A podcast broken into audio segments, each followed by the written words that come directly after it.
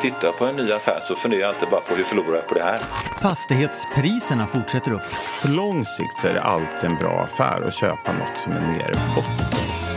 Flera utländska ekonomer räknar idag med en svensk devalvering. Vad är din kommentar? Jag tror att de har, eller de har fel. Man kan inte längre påstå att det inte går när någon har visat att det går. Det här är Investera på höjden med Jonas Björkman. Hej och välkommen till veckans avsnitt av Investera på höjden. Sveriges största och bästa eh, podd om fastigheter och investeringar. I veckans avsnitt ska vi prata om värderingar och framförallt fastighetsvärderingar. Det är ett ämne som berör väldigt många, både när man ska låna pengar eller om man ska bedöma till exempel en, eh, ett börsbolag och dess eh, värderingar. Och vi kommer gå igenom lite kryphål, vad som är viktigt att tänka på och hur man ska resonera när man faktiskt ser det här värdet som står på värderingen värderingen. Eh, är det det rätta eller ska man göra sin egen bedömning? Eh, notera att det här är en kort version av ett avsnitt som vi släpper ut exklusivt på akela.se och när man registrerar sig för vårt nyhetsbrev bakom fasaden. Nu kör vi igång! Och med mig har jag min kollega i Akela som har i princip byggt upp alla processer och rutiner kring kredithanteringen både inom Tessin och nu senast eh, i vår utlåningsverksamhet. Erik Nordin, välkommen! Tack så mycket när man tittar på en värdering, vad, liksom, vad börjar man med? Är det, vad, vad är det första du gör när du, när du får en värdering? Det första jag, jag gör är väl att titta vem som har utfört värderingen. Det... Och varför gör det? Varför det varför, Nej, men... Vad gör det för skillnad? Ja, men det, det, finns ett antal olika typer av värderingar. Eh, en normal, en riktig värdering är utförd av en auktoriserad eh, fastighetsvärderare. Eh, det är en bra utgångspunkt. Men sen finns det ju också mäklarvärderingar och det är ju något helt annat. Och det får man ju också ganska ofta. Det Framförallt när det gäller bostäder. Ja, exakt. Det, det får man ofta. Och de är väl också relevanta och särskilt kanske mer relevanta om det gäller småhus till exempel. Om du ska sälja en villa i ett, liksom ett befintligt område och sådär. Men däremot om det är en, en mark som inte är detalj, detaljplanereglerad eller eh, det är andra typer av lite speciella objekt så skulle jag inte fästa så stor eh, vikt vid dem. Eh, en mäklare har ju lite andra regler att förhålla sig till också. Och eh, ja, den... Eh, det är det första jag tittar i alla fall på. Alltså, det är en riktig värdering av en auktoriserad mäklare. Och, och det kan man väl säga också att de värderare som... De krav som banker ställer på en värdering är ju att, den ska vara, att de ska vara auktoriserade av, av, av samhällsbyggarna. Ja. Eller hur? Ja. Och det är ju i princip de större fastighetsrådgivarna och värderingsinstituten är ju det. Eh, men som du sa, mäklarvärderingar är ju bara en marknadsindikation. Det är egentligen, de är inte, de, vad jag vet i alla fall, inte auktoriserade. Nej, det är de inte. Men å andra sidan, de kan ju egentligen vara mer korrekta. Särskilt på, som var inne på, de här lite mer likvida objekten. Den lokala mäklaren vet nog mer vad ett, liksom ett radhus i, i Täby kommer att gå för än vad en, en auktoriserade värderare vet, skulle jag tro. Så Men sen är det väl också så att man vet ju, om man har jobbat med det ett tag så vet man också att en mäklare är ju så att säga kanske mer... Det är ju ofta någon som vill ha ett uppdrag och de har ju också... Ja. De vill ju också få till ett så högt värde som möjligt, kanske, för ja. att kunna... Och det, och det är också så här, när man beställer en värdering från, från en värderare så är det inte säkert att de förstår vad den ska användas till. Utan man säger att jag funderar på att sälja den här fastigheten, det här huset, eh, den här hyreskåken Eh, och de vill ha försäljningsuppdraget och då kommer de också med kanske en högre värdering än vad, är, vad som är troligt.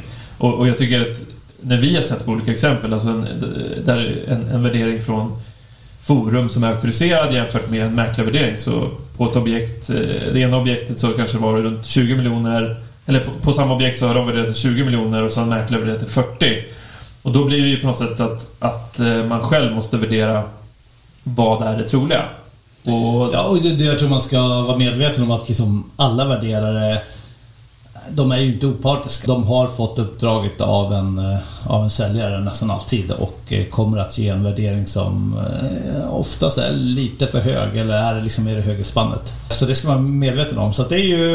Det är trots, det att, alltså, alltså, trots det att de ändå följer vissa guidelines som då alla som är auktoriserade har säga, åtagit sig att följa. Och där antar jag, utan att ha lusläst de här allmänna villkoren som biläggs varje värdering, så, så framgår det ju, eller först, antar jag att det, det, står att man, det måste vara en rimlig marknadsvärdering.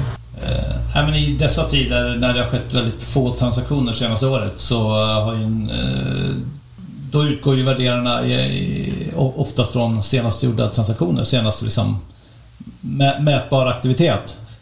Den kanske skedde 2021 eller ja, 2022 också.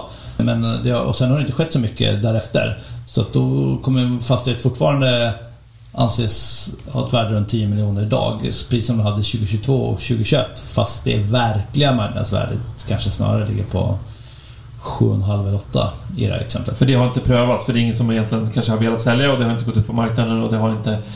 det verkliga värdet har inte testats live, för det är ingen som har gått ut med sina objekt. Precis så. Och om en värderare kan välja en högre värdering snarare än en lägre så kommer de alltid göra det. För deras kund är ju den som sitter på det här objektet och har har ett stort intresse av att eh, värdet är högt. Antingen för att de ska sälja det eller finansiera det eller refinansiera eller vad det kan vara. De har ju aldrig ett värde av att det ska vara nästan eh, lägre spannet. Så att eh, jag tror så här, eh, det kan också skilja mer egentligen mellan olika värderare än vad det gör mellan en auktoriserad och en mäklare till exempel. Att eh, Vissa är ju väldigt liksom, liberala medan andra kanske är lite mer konservativa. Eh, och det gäller både liksom, mellan personerna som värderar och mellan, tycker jag upplever också mellan de olika värderingsfirmorna.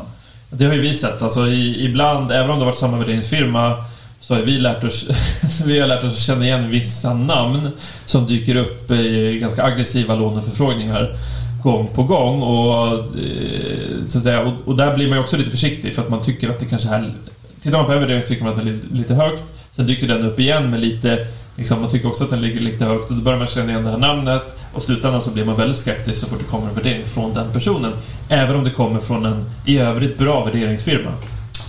Precis så är det. Eh, och, eh, nej men, och, och, och vad gäller namn på firmer som är mer respekterade kanske är det väl kanske Forum som den vi brukar använda de gånger vi tar fram värderingar som också har högst trovärdighet i branschen skulle jag säga. Det är, det, det är också Forum som bankerna brukar använda det, de, de, det ska man lägga till, bankerna godkänner ju i princip alla som är auktoriserade. Ja. Men däremot så kan de ju vara lite ifrågasättande och titta noggrannare på en viss värdering för de, på samma sätt som vi, så har de sett väldigt mycket och ibland så tycker man att vissa firmor ligger lite högre även om de får godkänna det men, men de kanske gör en sekundär värdering, de kanske bedömer det själva internt. Storbankerna har ju liksom analysavdelningar som också tittar på, på casen. Ehm. Ja, men bankerna gör ju alltid sina egna värderingar utifrån sina egna liksom, modeller och sådär. Så att de, de tar ju de här auktoriserade värderingarna mer som en, en utgångspunkt, tror jag. Ehm, men för oss som är lite mer hard lender som ska göra vår egen bedömning, för oss blir de här äh, värderingarna viktigare. Ehm, så är det. Och då finns det vissa firmor som man har ganska högt förtroende för. Och vissa som man inte har nästan något förtroende för. Det finns ju en firma som jag har stött på ett antal gånger på västkusten. Va? Eh, som vi varje gång har eh, framstått som helt eh, orimliga värderingar. Eh, så, då vågar man ju inte göra den affären. Liksom. Så att även som kund har man nog tjänat på att komma med en värdering som känns rimlig. För att den som tar det här kreditbeslutet skaffar sin egen uppfattning på ett eller annat sätt. Eh, antingen genom att man, man kollar statistik, försäljningsstatistik i området. Man kollar vad köptes den här fastigheten för. Eh, jag menar om, om den som vill finansiera det här har köpt fastigheten för en månad sedan för ett helt annat pris så blir man ju rätt skeptisk. Och det är väl därför bankerna generellt sett aldrig lånar ut på en värdering. Alltså de tittar alltid på förvärvspriset även om man har en högre värdering. Det är väldigt svårt för att få en högre, alltså komma upp de utgår från det. Även om ja. det skulle visa på 10 miljoner högre så kommer de aldrig använda det värdet när de, när de ställer ut lånet. Exakt så. Nej, men sen, sen finns det ju, utöver att kolla förvärvspriset så man kan ju kolla lite vad ligger taxeringsvärdet på. Kan man ha en indikation? Är det, är det otroligt mycket lägre än förvärvspriset så kanske det är något skumt där. Som var inne på, jämför liknande objekt om det finns. Eh, slå en signal till en lokal mäklare och se vad de tycker. Så att, eh, det, det, tycker jag egentligen är väl det bästa tipset. Att, eh, att utgå från en auktoriserad värdering och sen stämma av med någon mäklare som man känner att man kanske har någon hyfsad kontakt med eller som man kan prata med i alla fall. För att få en eh, ja, för så brukar det vara för oss. Jag tänker att när vi tittar på ett case så är det ju oftast att, att man behöver ofta en värdering att utgå från. För de liksom lägger basen för hur har det skett transaktioner i närheten? Eh, ungefär vad bedömer de det till? Och tror man att det är en konservativ värdering eller om det är en offensiv värdering? Eh, och sen börjar man liksom, försöka triangulera det här och verifiera. Liksom, är det rimligt? Eh, de här andra transaktionerna, var de liknande? Om man försöker få fram data om det. Och sen sitta och kolla på Hemnet, Booli, titta på objektvision. Finns det liksom, objekt ute till försäljning? Prata med mäklare och det faktiska priset man kan få det för. Så det är ju väldigt mycket verifieringsarbete, men, men ofta behöver man värdering för att utgå från. Nej, men att, och, och utgå, det är väldigt svårt att bara sätta sig med ett blankt papper och sen så börja titta på ett, förutom när det gäller bostäder. För jag tycker att en privatbostad är betydligt mycket mer, ofta har man betydligt mycket mer data. Mm. Eh, man kan kolla på avslut på, på Hemnet och jobbar man bara med, alltså där tycker jag vi ganska snabbt utan att ha en värdering kan, kan göra en bedömning. Och det gör ju banken också. De har ju sina modeller. Och där, är, där sker ofta avslut flera gånger per år under lång tid. Så där kan man ju följa egentligen eh, liksom bara genom en enkel sökning. Vad har de här villorna gått för från 2010 och framåt eller 2005 och framåt. Ja, men det, det mest luriga är ju såklart de här lite speciella objekten. Liksom, vad är det här eh, industritomten? Vad är den värd? Där blir man ju lätt lite mer konservativ och eh, det kan vara svårt. Det kan vara svårt. Ett tips där är att man eh, tittar på eh, det kan inte finnas några jämförbara objekt, men vad, har, eh, vad säljer kommunen sin råmark för i andra delar av stan? Eller vad kostar en sån här eh, industri, industrifastighet utan att byggnad på, som i det här fallet som jag tänker på, i en liknande stad i samma del av landet och så vidare. Och då kan man kan förstå att ja, det ska ligga ungefär runt de här kronorna per kvadrat. Så kan man liksom bilda sig en uppfattning och sen får man ta ett konservativt beslut därifrån. Men ganska ofta så är det också, och titta, det är väldigt stor skillnad på en, en privat fastighet, en bostads... Eh, en, en villa, ett, ett radhus. Eh, eller om det är en eh, BRF eller om det är en, en industrifastighet med hyresgäster. Då måste man också titta väldigt noga på hyresgästerna, löptid på hyresavtalen. Och där, det framgår ju oftast i värderingen ganska tydligt liksom hur långa avtal man har. Men det är inte alltid det framgår, eller man får en förståelse för hur stark hyresgästen är. Alltså är det en, en enskild firma som har hållit på i ett år eller någon som har funnits länge med, med en stark balansräkning. Man vet att man kan vara säker. Så det är ju, man måste ganska djupt för att verkligen förstå flödena eh, från de hyresgäster som finns i, i fastigheten. Ja, och det där ser man ganska ofta, att en fastighet som framstår som att ha ett lite för högt värde, att värdet egentligen kommer från ett ganska generöst hyresavtal. Och då blir det viktigt liksom, vem står för det här hyresavtalet? Så länge har det, är det ett närstående bolag till exempel? Eller ett helt externt? Och om det här äh, inte finns kvar inom ett år, vem tar över då? Finns det någon annan att hyra ut till på samma nivåer? Och gör inte det, ja, men då har ju liksom, eh, utom de har hyrt, hyrt för dyrt helt enkelt, då är ju fastighetsvärdet helt annat. Så att, eh, och där som exempel, eh, för något år sedan eller två så kollade vi på att köpa livsmedelsbutiker. Mindre ICA-handlare eller Coop-handlare och den typen. Och där har du oftast väldigt starka avtal.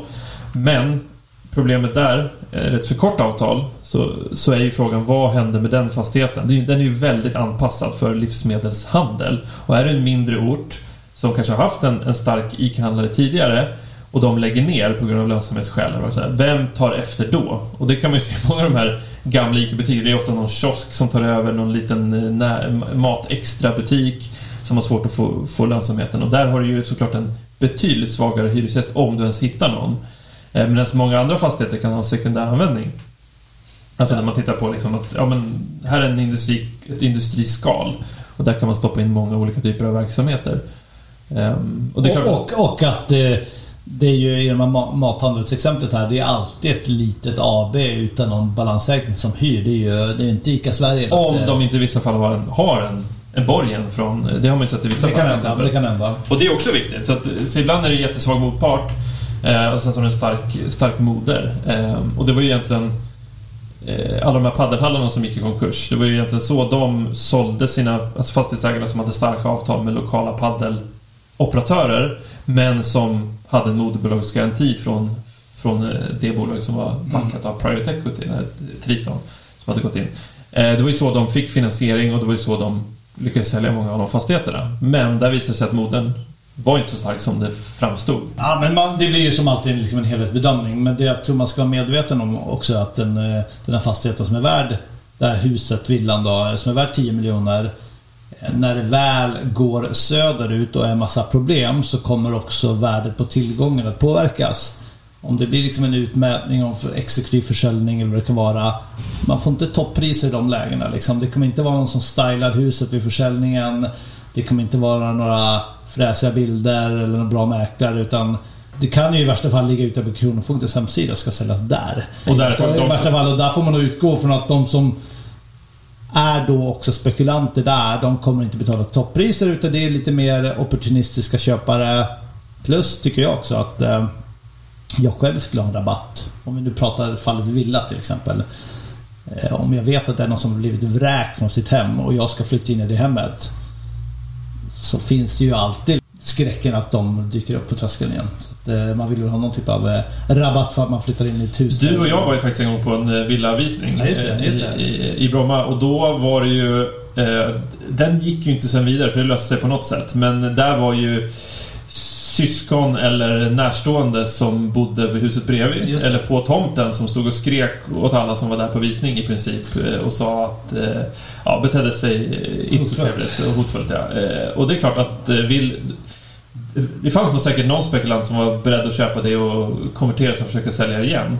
Men de som ville köpa det för att bo där försvann nog ganska snabbt. För den, den, den rabatten... Ja, det var ju också smutstvätt i liksom på golvet och en halväten macka på vardagsbordet. det kan också vara... och disk som låg framme och så. Det är klart att du betalar inte sista toppkronan på ett sånt objekt utan det luktade lite dåligt och det fanns ingen mäklare och det var, det var inte mycket som kändes bra där. Så det är klart att där tappar du ju snabbt dina, dina equity-kudden på 30% då, om vi säger att du belånat till 70. Den är ju borta bara i och med den där brödkanten egentligen. Den här podden görs i samarbete med Akela Realkredit där man som fastighetsägare kan belåna sin fastighet, eh, få ut kapital snabbt och enkelt från en miljon upp till 100 miljoner kronor. Gå in och ansök på www.akela.se realkredit. Är du investerare och är intresserad av att få tillgång och exponering mot här, den här typen av eh, lån Gå in på akela.se och läs mer om hur du som professionell investerare kan vara med och investera tillsammans med oss.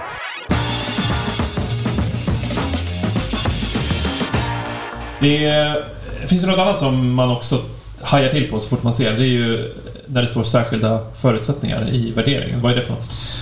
Ja, men det är ju just särskilda förutsättningar. Alltså sånt som värderaren utgår från. Och det kan ju vara till exempel att bygglovet har vunnit laga kraft eller att detaljplanen har vunnit laga kraft. Att det inte finns miljöbelastningar och så vidare. Eh, eller då att, eh, att ett framtida värde, att man utgår från att den här grandiosa fastigheten är färdigbyggd eh, redan. Så att jag tycker liksom att nybörjarmisstaget är väl att man bara kollar på värdet och säger att den här fastigheten är värd 40 miljoner. Men man missar detaljen att marken är värd 200 000 och ingenting är byggt än. Ja, men sen, sen ytterligare en är ju till exempel att man kanske har en, hyr, alltså du har en kommersiell fastighet med olika hyresgäster. Men att hyresgästen ersätts med en fiktiv hyresgäst och säger så här. Ja, men vi har hyrt ut den till eh, de här hyresgästerna. Eh, de betalar så här mycket hyra och de har de här löptiderna. Men vi tror att marknadsvärdet är, eller vi tror att marknadsvärdet på den här typen av hyresavtal är betydligt högre. Och då ersätter man dem med fiktiva hyresgäster och säger att med marknadsanpassad hyra, det går inte att höja just nu, men skulle vi få in dem så kommer värdet bli det här. Och det känns som ett vanligt trick för att kunna jacka upp hyresvärden ordentligt. Ja, ofta så nämns inte det där specifikt. Det, det är ingen stor varningsflagg för det där eh, ofta, utan jag skulle nästan alltid att man ser också att eh, man utgår från att nuvarande hyra annars är marknadsmässig, trots att det kanske är närstående som, som hyr. Det kanske är ägaren som hyr det för sin egen verksamhet. Och det är klart att eh, om du kan betala dubbla hyran i din verksamhet och därmed få upp värdet på fastigheten med 20 gånger den överhyran så det finns ganska tydliga incitament man ska göra det inför en refinansiering eller försäljning. För det där tycker jag, jag skulle säga att det är nog det svåraste tycker jag, att bedöma när någon ska köpa någonting eller har köpt någonting för sin egen verksamhet. Att kunna hitta en rimlig värderingsnivå på det. Eh, det man kan utgå från är, okej, okay, vad, vad är man villig att betala själv. Alltså, så att säga. Man, men har man en hög belåning så kanske man inte går in så mycket men att man tycker ändå att det är värt det jämfört med att betala till en extern, att, att hyra en lokal. Men det är jättesvårt att bedöma vad den faktiska marknadshyran är. Framförallt om det är lite, det är beroende på mikroläget, man kanske inte har stenkoll på vilken del av eh, Malmö man ska vara i eller hur långt ifrån Malmö är ett bra läge när det gäller den här typen av lokaler. Är det för långt ifrån eller är det perfekt? Eh, alltså där, där tycker jag man tycker i alla fall vi två när vi sitter och diskuterar oftast inte landar i någon slutsats direkt. Utan det är... Nej, där får man titta på liksom grannfastigheten och hur det ser ut i vad man tror är jämförbara delar av, av stan och sådär. Och, men jag tycker det absolut svåraste kanske att värdera är väl ganska speciella fastigheter långt ut på vischan. Du, du sitter med en jättefastighet eh, mitt ute någonstans i Sörmland kanske där man bedriver någon sorts tryckeriverksamhet som vi såg vid något tillfälle. Den här verksamheten går, går jättebra.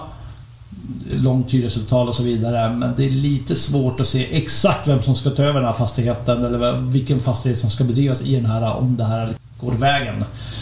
Eh, så överhuvudtaget, det kan vi också nämna att eh, fastigheter med en enda hyresgäst har ju en inneboende risk jämfört med fastighet med många skilda hyresgäster. Och det är väl därför att eh, det är därför också vi gillar hyresfastigheter. För att det, där har du inte den exponeringen mot eh, en och samma hyresgäst som, som du har i till exempel i en stor industrikåk ute på landet med en enda hyresgäst. Jag tycker det är svårt att bedöma och, och alltså det, det, ofta landar med att man kör runt med Google Maps runt omkring i området för att se finns det andra företag i närheten, precis inte på den adressen men i närheten och se finns det andra verksamheter? Eller är det här helt ute på, på vischan där det råkar, liksom de som hade verksamheten tidigare, hade lokalen för sin verksamhet, råkade bo i närheten och så placerar man sig där. Men det kanske inte finns så många andra tagare i det närområdet. Och då åker de omkring på de här småvägarna för att hitta andra liknande anläggningar för att se om det är faktiskt ett bra läge just för att ja, det är närheten till en, en större stad eller vad det kan vara för Och det tycker jag överhuvudtaget är ett bra,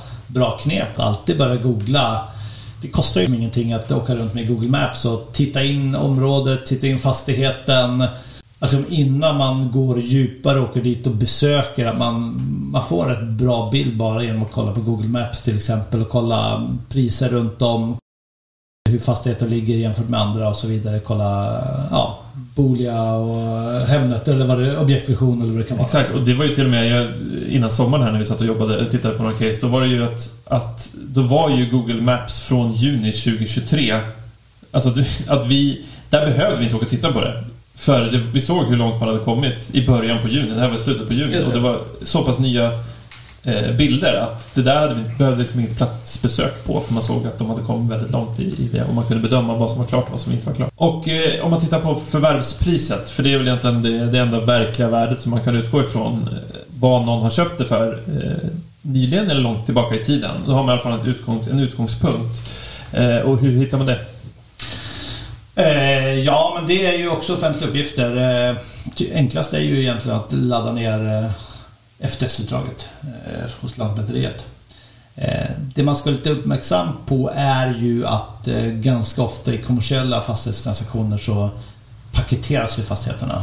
Så man säljer ner dem till ett taxeringsvärde eller bokfört värde och där, då kommer, kommer fastighetsvärdet framstå som lägre än vad det är eh, av skatteskäl. Hur vet Det går inte ens att veta? Eh, nej, det kan du inte veta utan att egentligen luska lite grann i det. Men det kommer i alla fall inte vara högre än vad det riktiga marknadsvärdet är. Så att om man tar om man tar, eh, om, om man tar, tar, som utgångspunkt vad det är köpt för så kommer man inte Ja, man kommer inte landa för högt i alla fall. Om man ska sammanfatta lite då, eh, så skulle jag säga att eh, titta på vem har utfört värderingen. Det är väldigt stor skillnad på de olika värderingsfirmorna. Det är, håll utkik på särskilda förutsättningar. Alltså vad har man antagit för värden i, det här, eh, Eh, i den här värderingen för att, den ska, för att värdet ska stämma. Så läs det noggrant och bilda en egen uppfattning. Och sättet att bilda en egen uppfattning på, det är genom att hitta ja, sekundärdata på olika sätt. Om det nu är Hemnet, objektvision, titta på liknande objekt som är ute. Tänk också på att byggfasen, framförallt i det här konjunkturläget, är väldigt, väldigt svårt att värdera. En under fasen ett bygge sker, vad är det faktiska värdet? Om jag får lägga till en sista sak där, att eh, just i, i byggvärderingen också, där tar man ju fasta på ett värde som har uppstått först när kreditrisken nästan är borta. Det vill säga att när huset väl står på plats, då, ja, då är det värt 40 miljoner, eller 38 eller 42, vad vet jag. Men då är ju kreditrisken också väldigt låg. Det är ju under själva byggfasen som risken eh, föreligger, kreditrisken föreligger och där är oklara värden. Och var inte rädd för att lyfta lur och prata med mäklare, prata med folk som kan ha kopplingar till det här bygget eller vad det nu kan vara för någonting för att göra den bedömningen. För folk pratar mer än eh, man kan tro. Mm.